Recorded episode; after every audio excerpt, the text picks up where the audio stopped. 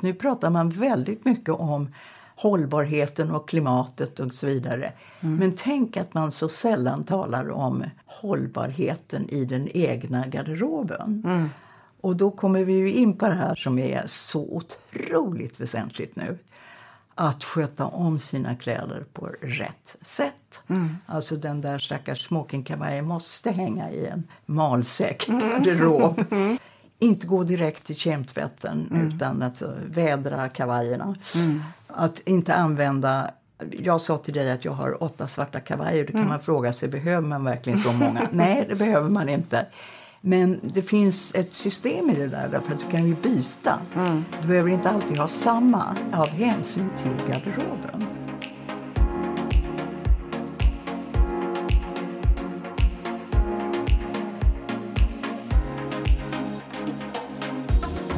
Välkommen till Inte bara kläder, en podd om klädstil och identitet där kända eller okända gäster får svara på varför de klär sig som de gör. Samtalen om tillhörighet, om att sticka ut eller smälta in, om att klä sig till ett större självförtroende eller välbefinnande eller en tydligare identitet varvas med stilråd, tips och tricks. Som lyssnare får du både underhållning och någonting användbart att testa själv där hemma i garderoben. Jag som gör podden heter Marie Tosta Linner, personlig stylist på Tellclothes och bloggare på 50 plus mode.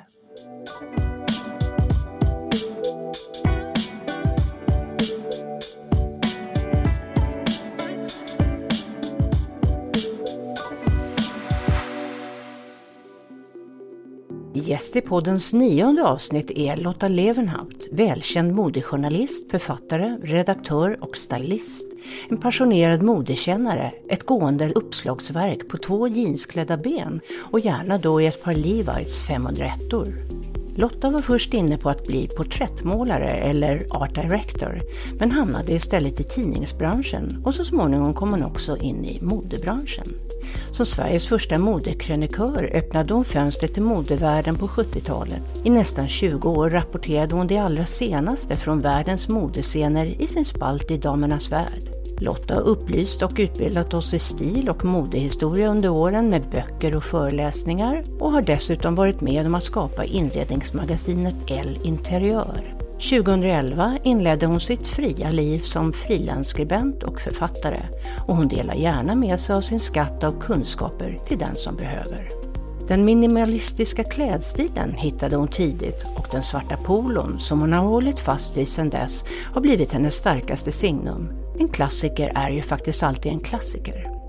Hör Lotta Levenhaupt i ett samtal om den svarta färgen, om svarta plagg i modehistorien och om hållbarhet i garderoben. Och vilka är egentligen de värsta stilfadäserna vi gör?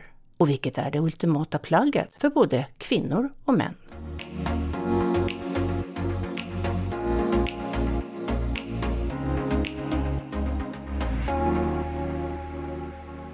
Så, Lotta Levenhaupt, hur är du klädd? Kan du beskriva? Ja, jag skulle säga att jag är klädd som mig själv. Jag börjar med det där som jag är mest känd för. Jag har en svart polotröja på mig. Jag har en av mina åtta svarta kavajer som är lite skräddad, lite figurformad. Och sen har jag blå jeans på mig. Och sen har jag väldigt välborstade svarta sneakers. Och hur känner du i kläderna? Ja, som jag sa, det är, jag är klädd som mig själv. Mm. Och hur kom du fram till den här stilen? När tror du i tid ungefär som det blev din stil? Jag skulle säga att det blev det på 70-talet. Eh, och det hade naturligtvis också att göra med att jag jobbade ju på Damernas Värld då.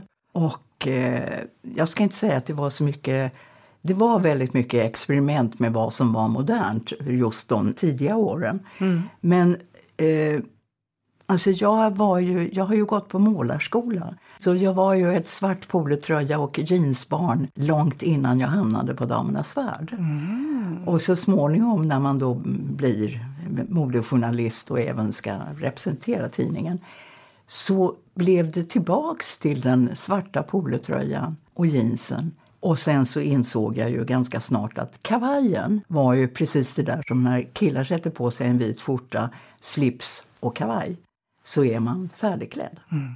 Och då, alltså jag fick ju ställa upp också på eh, rätt mycket tillfällen. Jag var ju i radio, jag var i tv och så vidare. Och då var det där en väldigt bra klädsel. Och dessutom så var det en klädsel som jag kände mig väldigt bekväm i. Och sen fick den sitta kvar. och det har den gjort sen dess kan man säga. Men vad har du på sommaren då? För då kan du inte ha polo, eller har du det? Nej, då kan man ju ha en svart t-shirt. Eller hur? ja. ja, det funkar det också. Ja, det är ju en klädsel som funkar i de flesta sammanhang. Ja, Ja. Men om du klär upp dig då? Om du ska på en riktig fest? ja, då är det ju vissa problem. Eh, det kan jag erkänna. Eh, och, eh, men i ärlighetens namn så ska jag säga att det är egentligen ganska enkelt. För att om jag är bortbjuden på en så att säga fin middag Eh, alltså inte smokingmiddag. Då kan jag fortfarande komma, in, kanske inte i polotröjan, jag kan ha en snygg eh, svart skjorta på mig. Min svarta kavaj och mina svarta byxor och vara helt korrekt klädd. Och kommer vi då över till det här att du ska gå på eh, en, en smokingmiddag Alltså då kan jag nästan skatta för att jag kan faktiskt göra det också. Men jag sätter inte på mig en klänning. Utan jag sätter på mig min smokingjacka från Yves Saint Laurent som är från 1974 eller var det har man en 75. sån. Jag har kvar den. Och eh, jag har inte kvar byxorna, jag vet inte var de tog vägen. Men eh, kavajen, och sen är jag ju i smoking igen. Och då kommer vi också till det här som är ganska väsentligt att nu var det länge sedan jag var bjuden på sånt. Jag skulle gärna vilja bli det. För då kan jag ju knäppa ihop kavajen och absolut inte ha någon blus inunder utan bar hud och bhn. Och är korrekt klädd. Alltså jag köpte den på rea i Paris. Ja, den kan ju ha kostat ganska mycket pengar men never mind. Då var jag inne på det här att en svart smoking den kommer att rädda livet på mig så många år framåt. Och sen gudskelov så har du ju inte den varje dag. Utan du har den just vid speciella tillfällen. Och eh, alltså får den hänga med alla de här år. Och då kommer någonting in som jag tycker är roligt med kläder som du sparar för sin hållbarhet eh, stilmässigt. Att jag har ju tjänat in vad den kostade från början över alla dessa år. Verkligen. Och att den fortfarande då finns kvar. Den är lite sliten på slagen för den har ju trots allt varit med i väldigt många år. Men den håller fortfarande. Fantastiskt. Ja, den håller ju fortfarande stilen. Alltså, Det är ju en kavaj som räcker till eh, höften eller nedanför höftbenen. Den är inte figursydd utan den är en anings lite insvängd i, mot midjan. Så att den har ju fortfarande en väldigt klassisk form. Och den har, eh, men du ska tänka på att det här är innan 80-talet, det är på 70-talet. Raka axelvaddar. Axelvaddarna är precis den rätta sorten. Och sen är det då de blanka satängslagarna. Eh, svarta knappar och så vidare. Den har ju alltså ett utseende som över alla dessa år så ser den fortfarande oerhört klassisk ut. Och rätt även eh, figurmässigt. Och det har ju att göra med att axelvaddarna är inte för vida. Och sen är den då i den eh, bästa ullkvaliteten. En ullgabardin som är väldigt hög kvalitet. Och jag räddar den. Den bor i plastpåse. så inte malen kan träffa den. För att det gäller att spara på den. Jag tänker något du skulle kunna rekommendera eh, om man ska köpa någonting som håller över åren. Skulle det vara en svart kavaj i en tidlös modell? Definitivt. Jag skulle säga att en tidlös kavaj i eh, svart, marinblått, faktiskt kanske till och med mörkt brun. Ja, kanske till och med en grå kavaj. Men alltså fortfarande lätt figurformad, raka axelvaddar, inte för mycket, alltså inte 80-talsmodellerna. Då håller det i 30 till 50 år. Vad tror du framåt? Tror vi kommer kunna ha det om 50 år? En svart kavaj? Absolut. Jag vet att diskussionen pågår inte bara när det gäller damkläder utan även när det gäller herrkläder. Och då har man ju i och för sig sagt att det var ju väldigt tråkigt att kostymen försvann i herrgarderoben och liksom flyttade in i damgarderoberna och det är vi ju väldigt tacksamma för. Men det visar sig att eh, ganska unga killar fortfarande vill ha en kostym. För att du är ju aldrig riktigt uppklädd om du går jämt i sweatshirt, huvtröja och jeans. Då kan du så att säga inte gå bort på middag. Eller när ska du presenteras för dina blivande svärföräldrar? alltså just sådana här ganska formella situationer. Och då kommer du igen tillbaka till det. Den svarta kavajen eller kostymen som sådan. Mm. Långbyxorna och, och kavajen i både manliga och kvinnliga garderober. Jo. Så om man säger så här, om man skulle peka på det plagg som är viktigast i garderoben, då skulle det vara kostymen. Den lilla svarta. Den lilla svarta kostymen? Ja, exakt. ja, för både män och kvinnor. Mm. Det är intressant, det ultimata plagget. Ja, det är det. Om ja. du tittar över historien också, alltså över den långa modehistorien, så kan vi ju börja i i de manliga garderoberna och då är vi inne på 1800-talet. Mm. Och sen när vi kommer över in på 1900-talet. Men första gången som kvinnor bär svarta kläder och inser att den där, den lilla svarta så att säga, det är ju i slutet på 1800-talet när den svarta aftonklänningen plötsligt gör entré mm. i, i fina salonger visserligen, men ändå. Och där har den suttit sedan mm. dess. Mm. Varför tror du att den har fått en sån status? Jag tycker att vi ska titta på, eh, alltså, vi ska titta över modehistorien. Om man tittar på klädhistorien och så har du och det här låter kanske idiotiskt när jag säger Titta på vad tjänstefolket i eh, familjer, fina familjer som det kallas för, alltid har klätt sig. Mm. Betjänten, kammarjungfrun och så vidare. Den svarta klänningen, den svarta livrén. Och den har ju funnits, den har funnits i princip sedan någon gång på 1700-talet. Mm. Alltså herrarna ärvde ju sina, sina herrars gamla mm. frackar mm. i princip. Mm. Och för kvinnan så var den svarta anonyma, hon som står i bakgrunden, som inte ska synas. Och då inser du att hela det här sättet att titta på den där anonyma som är i bakgrunden. Mm. När hon kliver fram mm. i modet som vi har lärt oss att det var tack vare Chanel mm. och den lilla svarta och 1926. Mm. Ja, maybe so.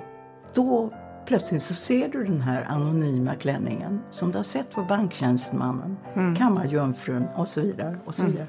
och nu är den det bästa du kan ha det enda som liksom kan rädda dig i alla möjliga dubbelbottnade klädsituationer. Mm. Alltså vad är svaret på vad ska jag ta på mig? Ja, alltid en liten svart. Mm. Om det nu var en smoking eller en svart kavaj mm. eller den där lilla klänningen. Men då kommer den från bakgrunden till förgrunden. centrum, ja, ja. förgrunden, ja. när man ska på fest. Absolut. Mm.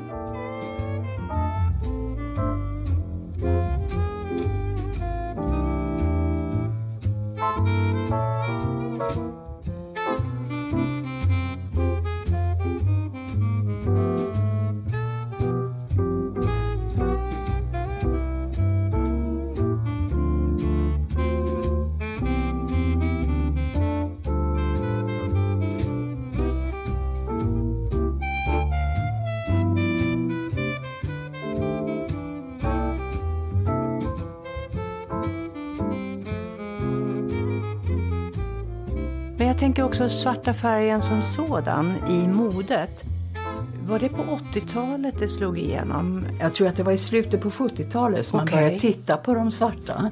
Och sen såg du att modeindustrin, alltså deras arbetare, modejournalister och så vidare. Mm. Eh, de var ju de första som liksom hade det som modeplagg. I ärlighetens mm. namn om mm. vi ska titta på. För då mm. igen, Även om du satt på front row så, så var du ändå i bakgrunden. Mm. Så var den där svarta anonyma, den började bli intressant just slutet på 70-talet, början på 80-talet. Och där sitter den fortfarande. Mm. Att de svarta kläderna är så, eh, liksom, jag ska säga, inte bara klassiska utan det, det, är ju något annat du vill ha tag i. Ja, vad är det vi vill ha tag på? För det där har jag funderat på. Det, det är ju Alltså svart, man kan säga att det funkar alltid, eh, i princip i alla fall. Eh, det är snyggt, elegant, det är exklusivt, det är tufft, det är sexigt, det är coolt. Och Yamamoto säger ja. att svart är både blygsam ja. och arrogant ja. i ett. Han säger dessutom att svart är en färg som är som ett internationellt pass. Mhm. Det passar i alla kulturer. Och det har han faktiskt rätt i. Och sen I don't bo- bother you, you don't bother me Nej, i svart. Så att man kan förstå populariteten. Men jag tänker också så här, många i modebranschen har svart. Och modebranschen som är så full av fantasi och färg och så. Eh, vad tror du det beror på? Ja, ja, igen, då är man som banktjänstemannen. Man ställer sig åt sidan.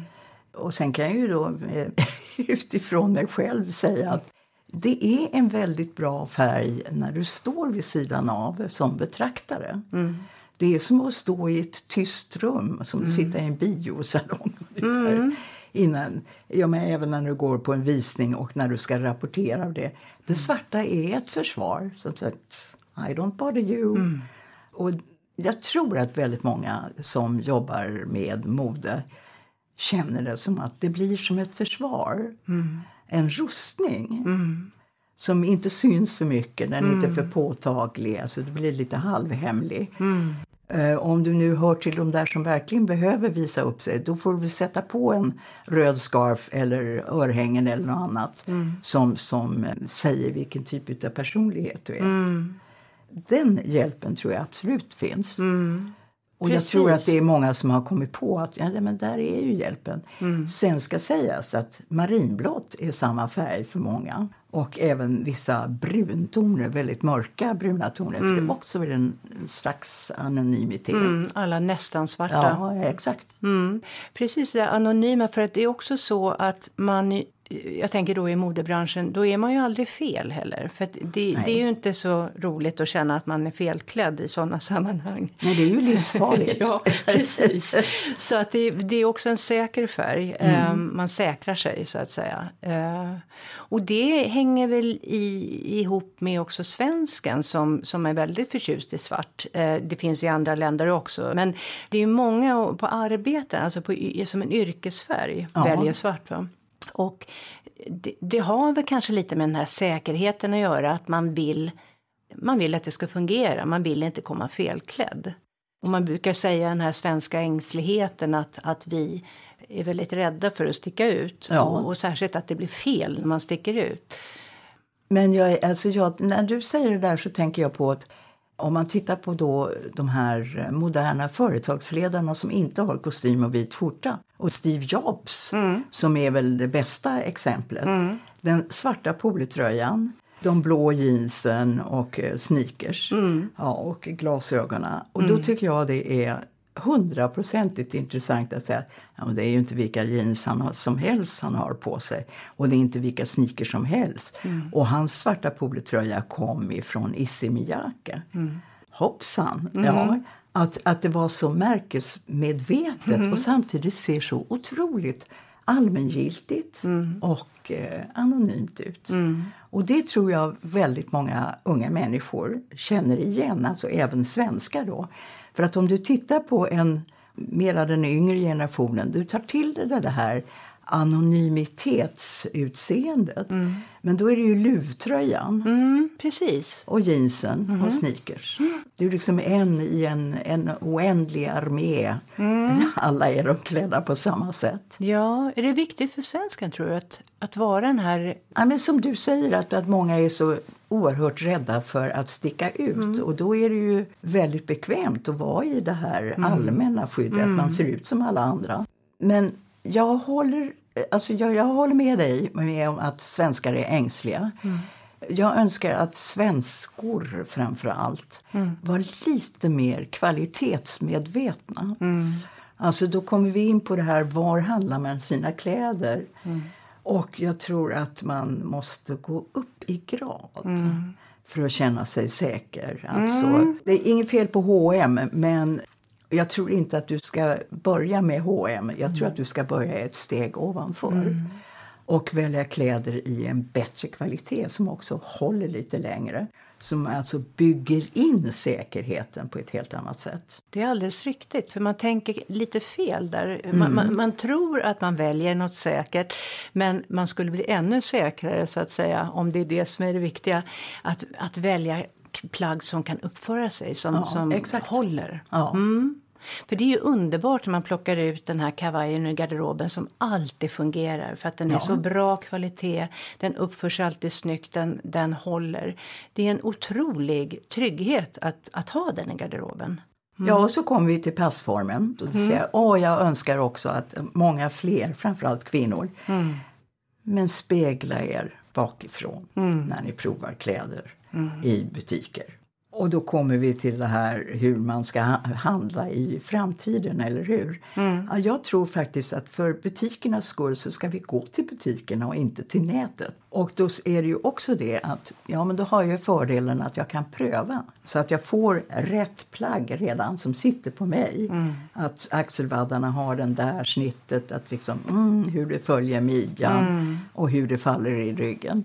Prova innan man köper och spegla sig bakifrån. Och gärna personalen också har den kunskapen så de kan hjälpa en om man inte ser det själv. För att jag tror en del inte ser det. De vet inte vad de ska titta på. Men om personalen kan hjälpa Ja. en och är utbildad och vet hur det ska sitta över axlarna och hur Absolut. ska sitta i ryggen Ja. så skulle man ju känna sig säker där också så att säga. Ja, lite bättre utbildning.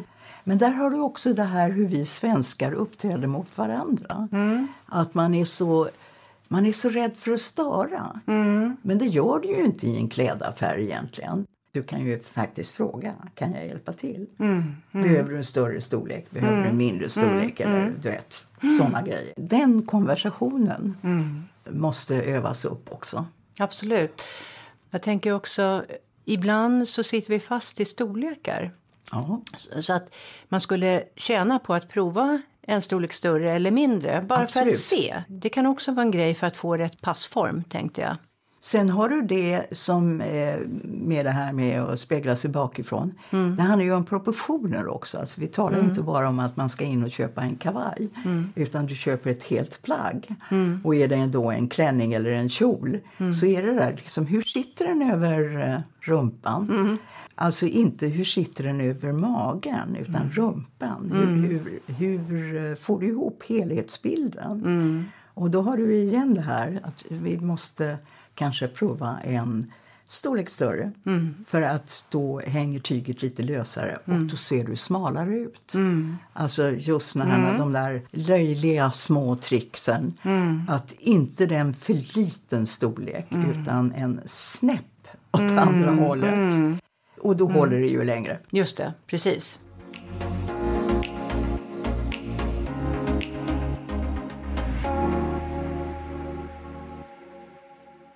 Nu pratar man väldigt mycket om hållbarheten och klimatet och så vidare. Men tänk att man så sällan talar om hållbarheten i den egna garderoben. Och då kommer vi in på det här som är så otroligt väsentligt nu.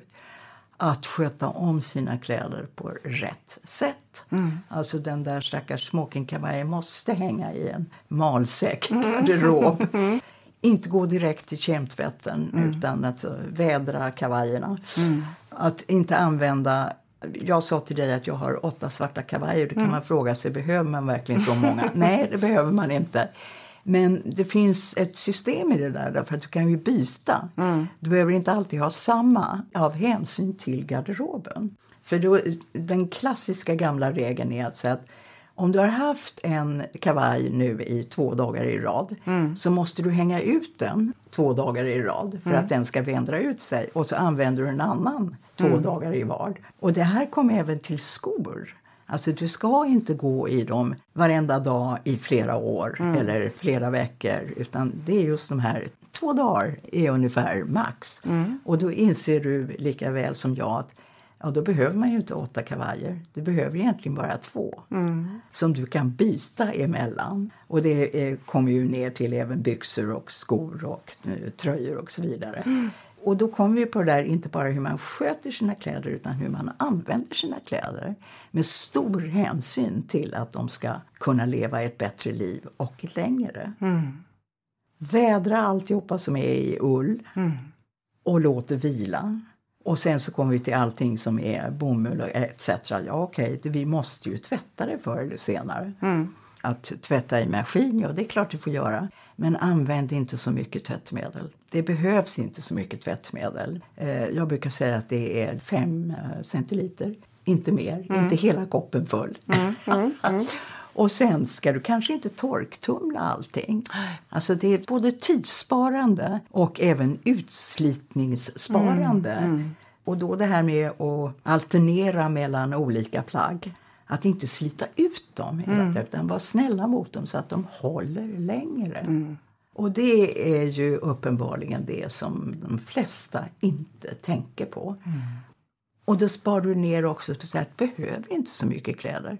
Och för att ändå då få modebranschen att gå runt så säger man de kläder som man faktiskt sliter på använder väldigt ofta. Mm.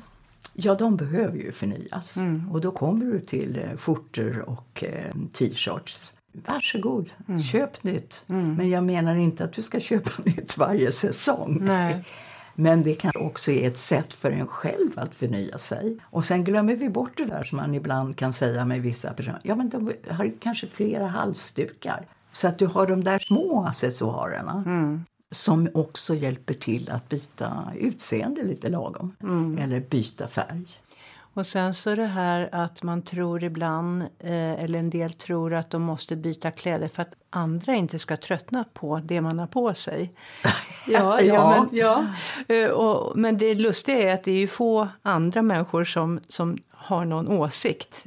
Man brukar köpa liksom, som att du har polo och jeans. Det, det, folk vet det. Ja. Och så är det med dig. Men eh, den här förnyelseklådan ja. eh, är ju lätt att fastna i. Att man tror att man måste köpa nytt för att man ska på fest eller på semester och så måste man ja. köpa nytt.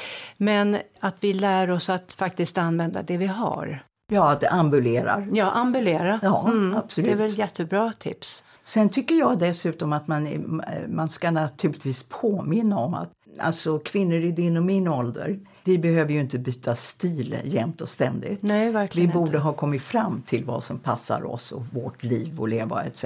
Mm. Men när du är i 20-25 års mm. åldern då tycker faktiskt jag att man mm. ska byta så Absolut. ofta som möjligt. Mm. För att liksom se ja, vad andra tycker och eh, hur såg det ut i spegeln och mm. fick du en flörtig blick eller så vidare. Byt stilar så ofta som möjligt mm. och då överlever konfektionsindustrin också. Ja. Vilket är väldigt skönt. Ja, eller man kan köpa på second hand. Ja, det kan man också ja. göra. Men just det här att utforska lite ja. grann vem man är, det gör man ju genom kläderna. Absolut. Uh, och jag håller med dig, för att mm. det, det, är synd att missa det. Mm. Kläder har ju den här inneboende kraften. Att ge självkänsla, ja. Mm, verkligen. Ja. Ja, ja det, det, det är kul om man tar för sig. Ja. Vad tycker du om modet från 70-talet och börjar på Damernas Värld eh, till nu? Det här att nu är det mer tillåtet att ägna sig åt mode. Mm. Eh, det anses inte lika ytligt och eh, vi förstår att det ingår i eh, omvärlden. Ja, ja, omvärlden. att leva, man hinner tänka på det. Men på 70-talet så det var ju inte riktigt okej okay att inte hålla på med. här. Nej, precis. Va, vad hände med Sverige? Nej, men då kom vi ju tillbaka till den här märkliga. Vad beror det egentligen på? Och jag tror att vi måste vara så fräcka så vi säger. Det handlar om kulturklimatet i Sverige egentligen. Alltså vi är ju ifrån början en, ett bondesamhälle. Mm. Ett ganska fattigt bondesamhälle och då, det gäller även kläder. Mm. Och, och mat och möbler, allting. Mm.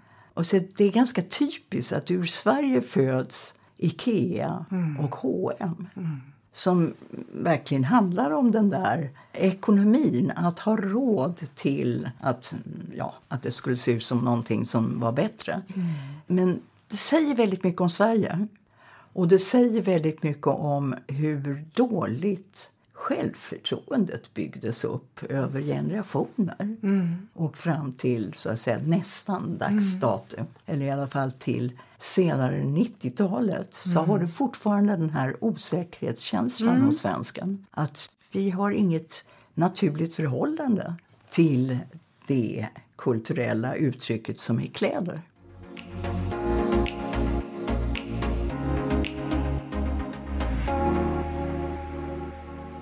Ungdomsmode kontra vuxenmode på 60-70-talet var ju mycket mer uppdelat. Ja. Eh, idag lånar liksom... Mellan generationerna. Ja, ja. precis. Men det är inte riktigt sant. Alltså jag vet om vi kommer in till det där som är... som om det bara talar om jeans Mm. så är det ganska roligt att plötsligt kom såna här uttryck som granddad jeans och mother bla bla bla Mm. Ja, jeans. Och varför kom de? Jo, därför att du kan inte ha samma jeans som din mamma eller din farfar. Mm. Utan den ungdomsgenerationen måste ha sina jeans och mammagenerationen, pappagenerationen och farfargenerationen alla har olika. Mm. och det är väldigt tydligt just i Sverige. Ja, just det. ja, det är intressant. Jag har inte tänkt på det. Det Nej, stämmer. men ja. Ja. då förstod du alltså att jag tänker ju ganska mycket på det. Ja, det är lustigt att du inte frågar mig om jag fortfarande tänker på mode lika mycket som man gjorde när man jobbade som modejournalist. Ja, men det kan jag fråga. Och då eh, svarar jag att säga, jo det gör jag. Därför att det, det är något lustigt med när man har, kanske framförallt när man har jobbat med, med eh, mode både som så att säga stylist och skriver om det. Och plus att jag sen också senare har skrivit flera böcker om det. Att blicken sitter ju kvar. Eh, och jag ser fortfarande väldigt bra. Vilket jag är väldigt tacksam för. Och jag, och alltså jag är fast i det där gamla stilmönstret. Att jag tjatar om det där med att spegla sig bakifrån och så vidare. Jo, jag tänker på det fortfarande och jag tänker väldigt mycket på det. Och ibland känner man sig eh, nästan hemsk när man är ute och går och är på väg någonstans och så tittar man på folk och så känner jag att gud vad sträng jag var men nu såg jag ju faktiskt någon som hon kanske skulle ha köpt sig en lite längre jacka eller dat, dat, dat. Jo, det sitter fast. Det kommer aldrig att gå över. Nej. Men om man fortsätter på den tankebanan. Vad är de vanligaste och de allvarligaste stilfadäserna som vi kan ta kvinnor först, som de gör idag? Som de gör idag? Oj, nu måste jag tänka efter. Eh, jag tycker en av de värsta stilfadäserna är bland män. Att ha antingen för långa och korviga byxor eller för korta och för trånga byxor. och det har hållit på i eh, de senaste 20 åren faktiskt. Det är förfärligt. Och där har vi alla de här kavajerna som sitter också en storlek för liten och som sitter för trångt. Och jag, vet, och jag vet inte var det där kommer ifrån. Jo, det vet jag om. Jag. Eh, men vi ska inte prata så mycket om det. Om man tittar på eh, vilka influencers... Ett, ett, ett, ett, ett, ett. Alltså, att det finns ju två yttre världar. Det är inte bara det som är i skyltfönstret hos de olika märkena utan det är också vilken influencer påverkar dig. Vad hade den och den på sig? Och då blir det liksom de där för små kavajerna hos killarna. Men de fadäserna finns ju även hos tjejer. Och då kommer vi till skorna. Och jag, det är ju tråkigt behöva säga när man själv kommer ihåg platåskor. Men de platåskor som är moderna idag det skulle jag säga, det är en stor fadäs. Och den gäller både tjejer och killar, kvinnor och män. Det handlar om att vi tappar proportioner. För ibland när du ser, ja även Doc Martens till ett par snygga så att säga kostymbyxor så här, ja jag förstår att det kanske är en rolig konversation mellan två olika stilar. Men, och det kanske det är, men det ser inte alltid så bra ut. Det ser fel ut på något konstigt sätt. I alla fall i mitt huvud. Mm, proportionerna stämmer inte. Nej, de gör inte det. Och på sätt och vis kan man ju då säga så att en sak som är bra idag är att allting är tillåtet. Och då talar vi ju inte bara om eh, svenska gator, vi talar om alla gator över hela världen. Det är väldigt skönt att det så att säga inte finns ett tydligt mode och att det befinner sig i liksom en väldigt bred sfär. Eh, vilket också betyder att de kommer överleva längre i garderoben. Eh, och priset har ju ändå höjts, så tack! Skönt att det blev på det sättet. Eh, så att, eh, nej men du kan ju fråga mig om jag är emot trender. Och då så säger jag att nej det är jag inte. Alltså jag tycker trend är ju också ett otroligt intressant ord. Var kommer det ifrån och vad betyder det egentligen? Och då eh, vet vi att första gången det så att säga eh, myntades, Mm. det är ju i reklamvärlden. Att det här är någonting som händer just nu. Mm. En trend är alltså inte någonting som är långsiktigt utan det är någonting som poppar upp. Mm. Och, och det kom ju, uttrycket kom via reklamvärlden. Men nu talar man om trender i liksom betydelsen att de varar så länge. Och det är jag lite fascinerad utav. För, jag, för, för mig är en trend just en sån där grej som sticker upp. Ja, och framförallt tycker jag om man, om man hänger på en trend, då ska man hänga på trenden väldigt billigt. Ja, det alltså tycker att jag. plagget då är ett sånt där som kommer och går i garderoben. Ja, exakt. Eller att du uppmuntrar någon till att själv eh, måla på t-shirten eller Ja. göra sitt eget uttryck. Absolut. Ja, eller Men- om själv. Ja, eller? de är kortsiktiga, absolut. Det är jätteroligt. Mm, absolut, för vi ska ju ha roligt med kläderna också. Det är, Ja, det absolut. ja. det är ju kul. Ja.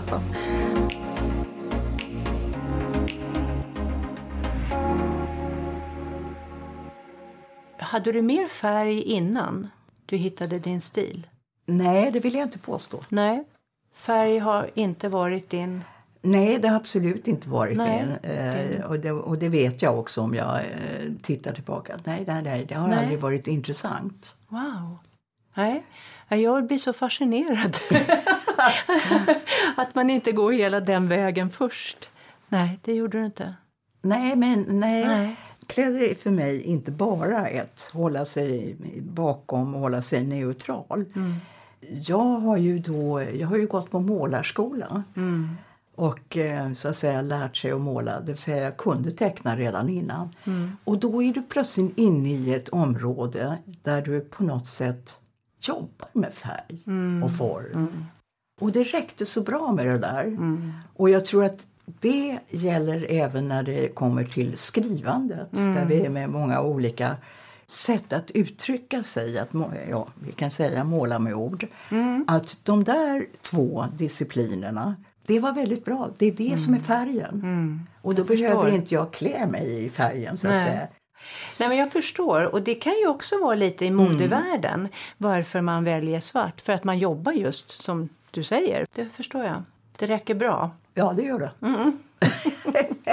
och då kan du fråga, alltså du kan fortsätta för att komma till det här. Så här finns det ingenting som är i färg, liksom ens hemma hos dig? då ställer jag den frågan. Och då så säger jag nej, du skulle bli väldigt, väldigt besviken.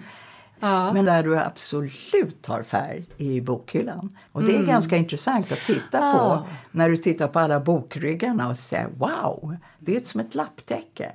Där har vi färgen. Där har vi färgen. Har du haft några stilförebilder när du växte upp? Oj, ja, nu ska vi se vad jag ska tänka. Nej, men vet du vad?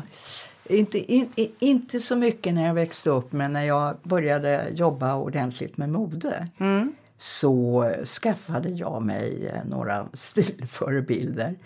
Och en av de första, Diana Reeland som var då chefredaktör på Vogue på, ja, det var ju framförallt på 60-70-talet. Och det tror jag hade väldigt mycket att göra med både hur hon experimenterade med tidningen, den var ju rolig då, amerikanska Vogue. Och att hon hade ett sånt öppet sinne. Och sen så hade hon den här underbara devisen som var att vi ska ge dem vad de aldrig visste att de ville ha. Och då säger jag det där är den bästa devisen till någon som jobbar med mode och tidningar.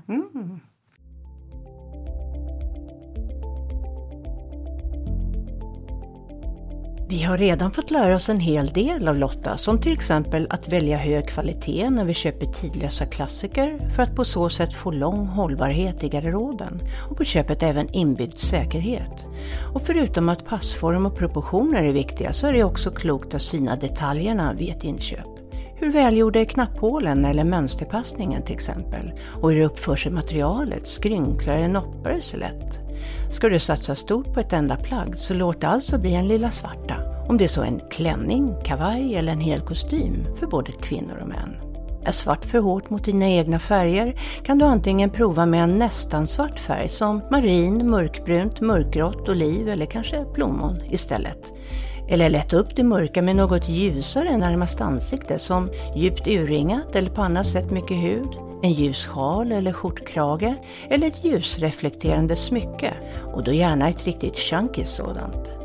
Tänk på att olika typer av material också ger olika sorters svärta. Jämför den nattsvarta silkesammeten mot den mjukare svarta yllekräppen för att inte nämna den urtvättade svarta bomullens gråa ton. Hör du till dem som fastnat i svartträsket och vill ur? Gå försiktigt fram då, är mitt råd. Prova till exempel en mönstrad sjal till med svart dominans i mönstret och kanske då bara en annan färg i mönstret. Vill du åt det ljusare hållet kan du välja en mjuk färg med lite gråton i som puderrosa, sandfärg, kake eller kitt. Ju längre bort från ansiktet du bär färg desto lättare kommer du att kunna ta till dig det nya. Tänk på att nya vanor tar tid, mycket längre än du först tror, så ge inte upp direkt. Vill du prova en starkare färg? Välj den då på en accessoar som inte sitter på dig hela tiden, som till exempel en väska. Eller trivs du alldeles utmärkt med din svartkostymering, men skulle kanske behöva lite inspiration? Att jobba med olika ytor kan ge nytt djup och liv i outfiten. Låt kontrasterna spela mot varann genom att mixa blankt mot matt, grovt mot skit, struktur mot slätt, kompakt mot luftigt transparent, lurvigt eller luddigt mot glansigt, glittrigt eller varför inte smidigt skinn. Den svarta färgen är skulptural och därför kul att leka med när det kommer till silhuetter. Prova olika plagglängder mot varann, lager på lager eller vida plagg mot kroppsnära former. Du kan också lägga till några svarta smycken som halsband eller armband mot den svarta bakgrunden eller smyga in en annan mörk färg i outfiten och på så sätt skapa spännande schatteringar i det mörka. Avslutningsvis några exempel på stilfadäser att undvika. På nyinköpta kappor, kjolar och kavajer är slitsen baktill oftast hopsydd med ett par fraktstygn i ett kryss för att hålla slitsen på plats under transporten. Inte alla tycks veta att de stygnen ska klippas bort. Med ett enkelt knips med saxen kan slitsen med ens röra sig som det var tänkt med designen från början. Även eventuella etiketter på armen ska väck. Det är vanligt förekommande på framförallt männens kavajer för att visa märket tydligt när man bläddrar bland plaggen i butiken. Inte alls coolt att ha kvar, hur svindyrt plagget än är. Klisterlappen som sitter kvar under skon är inte heller någon höjdare. Däremot kan det vara smart att låta sömmen som håller ihop kavajfickan vara kvar om man inte tänker använda fickorna då de håller formen bättre. Tänk på att ha koll på parfymen. Har den blivit gammal så är det bättre att skippa den helt. Parfymers essentiella oljor härsknar med tiden och en unken fadd parfymdoft drar definitivt ner helhetsintrycket. Se upp för övermatchning. Att bära både orange skor och orange väska, orange sjal och orange handskar ser bara överansträngt ut. Och lika illa som det är att matcha in absurdum är det att sätta ihop de olika delarna utan någon tanke alls.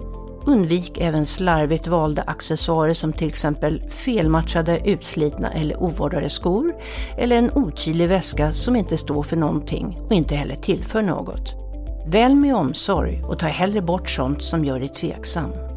Ta hand om dina kläder. Laga, lappa, putsa, vädra, borsta bort damm på axlarna där de hänger i garderoben, malsäkra, sy tappade knappar, laga follar som hänger ner, dona och vårda.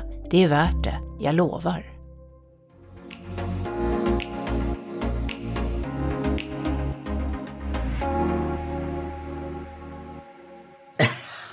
Du kan få en till.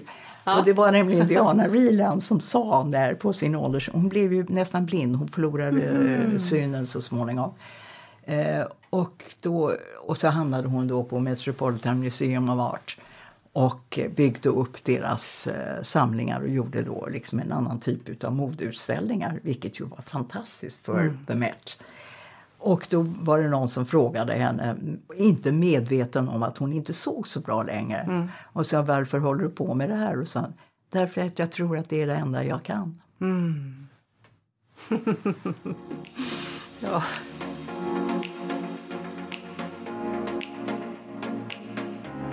Tack för att du lyssnat på Inte bara kläder.